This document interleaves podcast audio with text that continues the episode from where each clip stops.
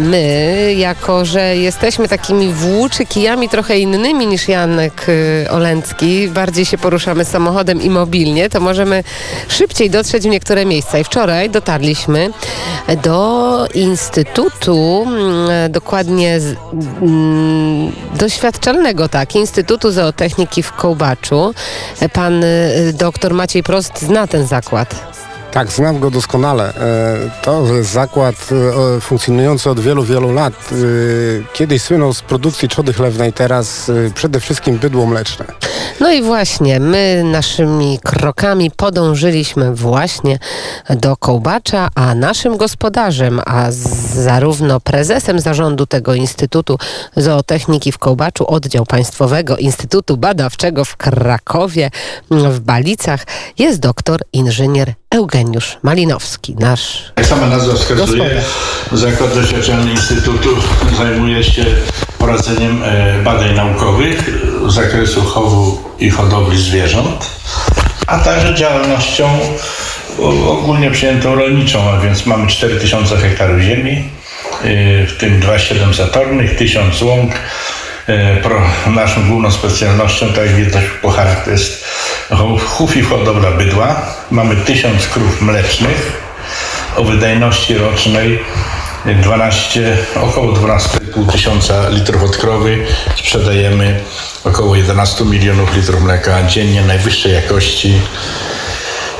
Rocznie, przepraszam, nie dziennie, rocznie. Dziennie to jest w granicach 32-33 tysięcy. Sprzedajemy materiał hodowlany dla rolników z całej Polski, a więc jałówki cielne, Jakiej rasy? Holstein Fries. Pro- Prowadzimy tutaj od szeregu lat pracę hodowlaną polegającą na krzyżowaniu miejscowych, miejscowego bydła czarno-białego rasami najlepszych, y, ras, rasą Holstein Fries nasieniem sprowadzanym ze Stanów Zjednoczonych. I dzięki temu nasze krowy mają 97,5% krwi Holstein Fries amerykańskiej. To jest najlepsza rasa mleczna na świecie. Ale nie tylko krowy, tak? Tutaj Nie tylko krowy, mamy także owce. W ramach gospodarstwa ekologicznego mamy owce rasy pomorskiej. Jest to rasa zachowawcza. Y, Mamy także rasę, rasa mięsna.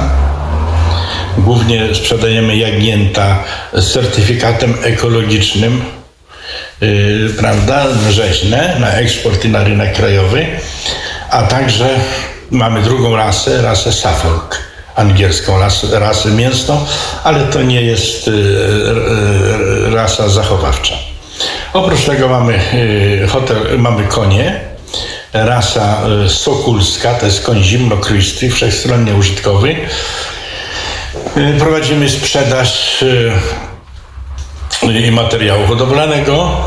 Y, Od klaczy uzyskujemy mleko, y, prawda, które sprzedajemy, które jest bardzo wartościowo, ma e, prawda, duże y, walory immunologiczne.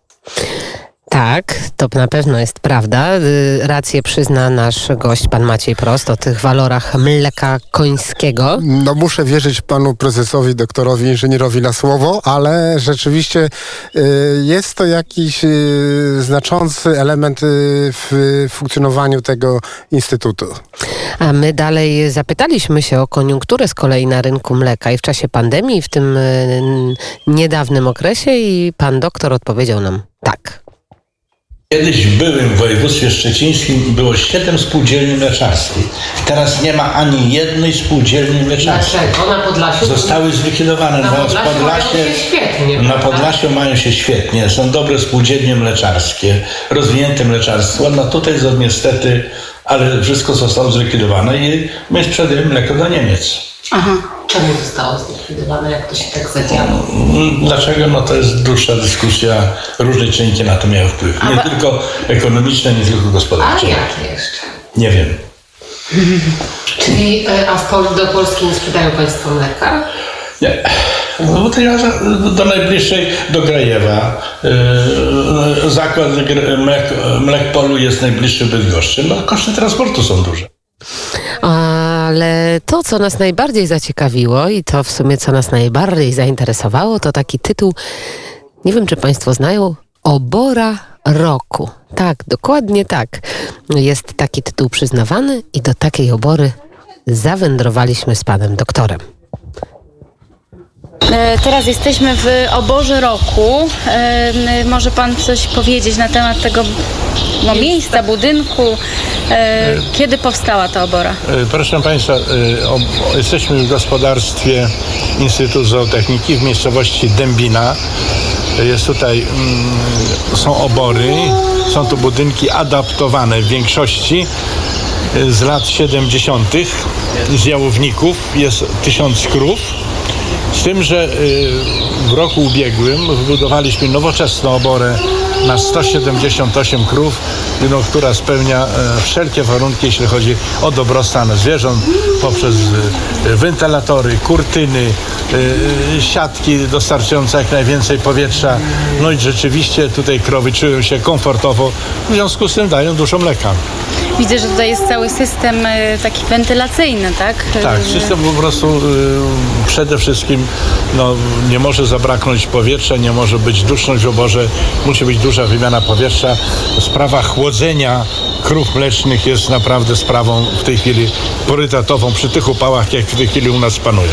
To jest całe stado, które, którym jakby e, no, które jest w tej chwili w Państwa Tak. no, Także tutaj są e, krowy, które są dojone, natomiast jeśli chodzi o jałówki cielne i krowy zasuszone, e, dosłownie 300 metrów e, znajduje się 60 hektarów pastwiska ogrodzonego kwaterowo, gdzie doprowadzona jest woda, do, e, grunt do ogrodzenia i tam e, około 250 sztuk przebywa od 1 maja do końca października przez całą dobę. Z- Zdecydowanie poprawia to zdrowotność. Krowy się świetnie czują, korzystają prawda, z naturalnego, z naturalnej paszy, jakim jest pastwisko. I jako gospodarstwo są Państwo też samowystarczalni, jeśli chodzi o kiszonkę. Jeśli o... chodzi o kieszonki, produkujemy, uprawiamy kukurydzę na ponad 500 hektarach, uprawiamy na, na ponad 100 hektarach lucernę, uprawiamy y, trawy odpowiedniej y, jakości. No, dużo zależy, wydajność w dużej mierze zależy przede wszystkim od żywienia, od y, zebranej kukurydzy, czy kukurydza ile ma skrobi, ile, ile białka ma lucerna, y, czy siano kiszonka y, z traw. To w sposób istotny wpływa na zdrowotność krów, a także na wydajność. I tak to właśnie jest w Instytucie Doświadczalnym w Kołbaczu.